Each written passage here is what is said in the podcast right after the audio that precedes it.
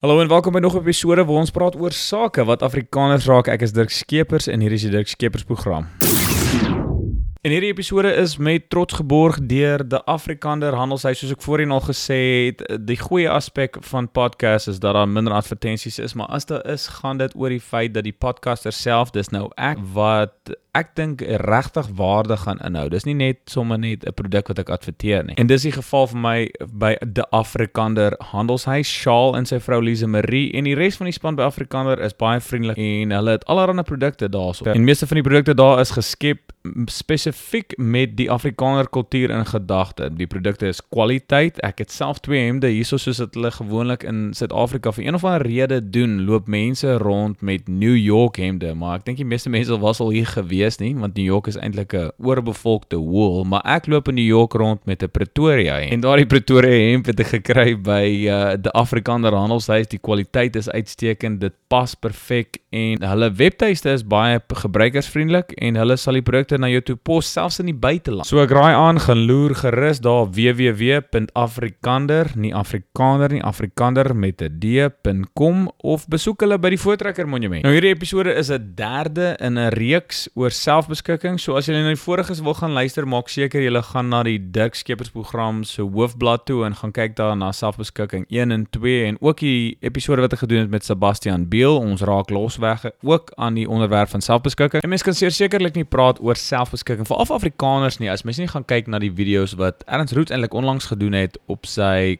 konteks episode en jy kan dit gaan sien op YouTube onder die Hitsmack konteks. En daar praat hy met professor Marinus Wiggers as ook met Dawie Rood van die Vision Groep, maar professor Marinus Wiggers wat nou oorlede is ongelukkig gee baie insig en baie waarde van wat gebeur het in die geskiedenis in Suid-Afrika in terme van selfbeskikking vir Afrikaners spesifiek. En hier is 'n uittreksel van daardie gesprek. Dit is waar Ernst Roots vra oor artikel 235 in die grondwet. Maar watter rol speel um, artikel 235 byvoorbeeld in die uh, in die grondwet? 235 is 'n het 'n geskiedenis van sy eie. Dit was 'n kompromie tussen Mandela en Constant Viljoen dat hulle nie eh, aan die aan die verkiesing deelneem. Maar hy is daar. Hy hy kan 'n rol speel. Party mense sê ja, maar ehm um, dis dis dis 'n windeier, né? Maar dit is nie so nie. Dit skep die moontlikheid van 'n aparte afsonderlike kulturele godsdienstige ehm uh, eenheid met die in die vorm van 'n plaaslike owerheid. Maar dit is onderhewig aan aan een baie belangrike voordeel. Daardie eenheid of daardie selfstandige eenheid wat die grondwet voorsiening maak, mag nie teen die menseregverklaring wees nie. So rassediskriminasie in so 'n geval is uit. Daaroor ons het weer vir professor Marinus Wiggers waar hy weer en oor en oor noem dat rassediskriminasie nie kan gebeur as artikel 235 gebruik word om 'n gemeenskaplike area of gebied afsonderlik te kan ontwikkel soos wat dit staan in die grondwet nie. Of ten minste dit is hoe ek dit interpreteer weer eens, hierdie drukskepersprogram. As jy anders dink daaroor, laat my weet in die kommentare op Twitter. En om mee af te sluit gaan ons oor na my vriende by die Podletiek episode. Hulle het hulle afgelope episode gedoen oor Afrikaners en identiteit ook en op 'n gedeelte praat hulle oor selfbeskikking en dit is dan nou wat my tema is van hierdie episode. So kom ons luister 'n bietjie wat hulle te sê het daaroor. Ek dink ons is op die punt waar ons maar buite kan die boks oplossings moet oorweeg. Waar ons moet gaan sê, "Hey, dalk se onafhanklike Weskaap 'n lekker opsie, dalk onafhanklike KwaZulu-Natal." Ek sê nie ons moet dit doen nie, maar ek sê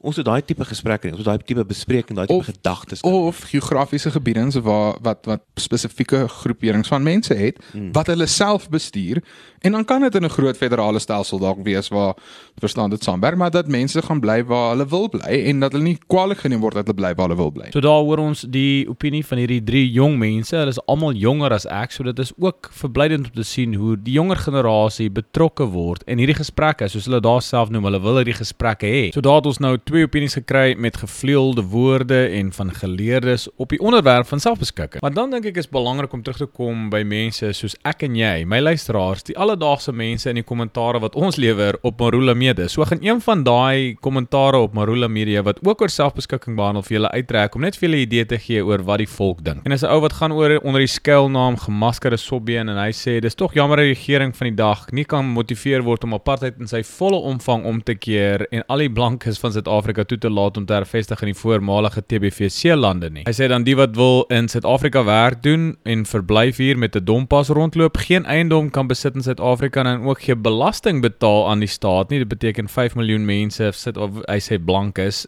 woon dan in Transkei, Botswana, Venda en Ciskei sal binne 5 jaar ontwikkel tot 'n selfregerende entiteit. Nou daar sal ek uitwys dat Sobbeen dalk 'n goeie punt beet het, maar soos ons nou in die begin van die episode gehoor het, jy kan nie mense uitsluit in terme van ras nie. So daar kom die onderwerp van ras sommer dadelik weer op as mense begin verwys na blankes en areas vir blankes alleenlik. Maar weer eens, hierdie is die Dirk Skeepers program. Ek wil hê jy moet jou eie mind opmaak. Ek wil hoor wat jy te sê het. Laat my weet wat jy dink oor hierdie onderwerp in daardie kommentare op Twitter of op al die ander platforms waar die Dirk Skeepers program beskikbaar is. En natuurlik soos met al my ander episode sal alles waarna ek verwys in die beskrywingsafdeling wees van hierdie episode. En dis eintlik waar ek die episode gaan afsluit. Soos altyd, mag julle voorspoed julle verveel tot 'n volgende keer.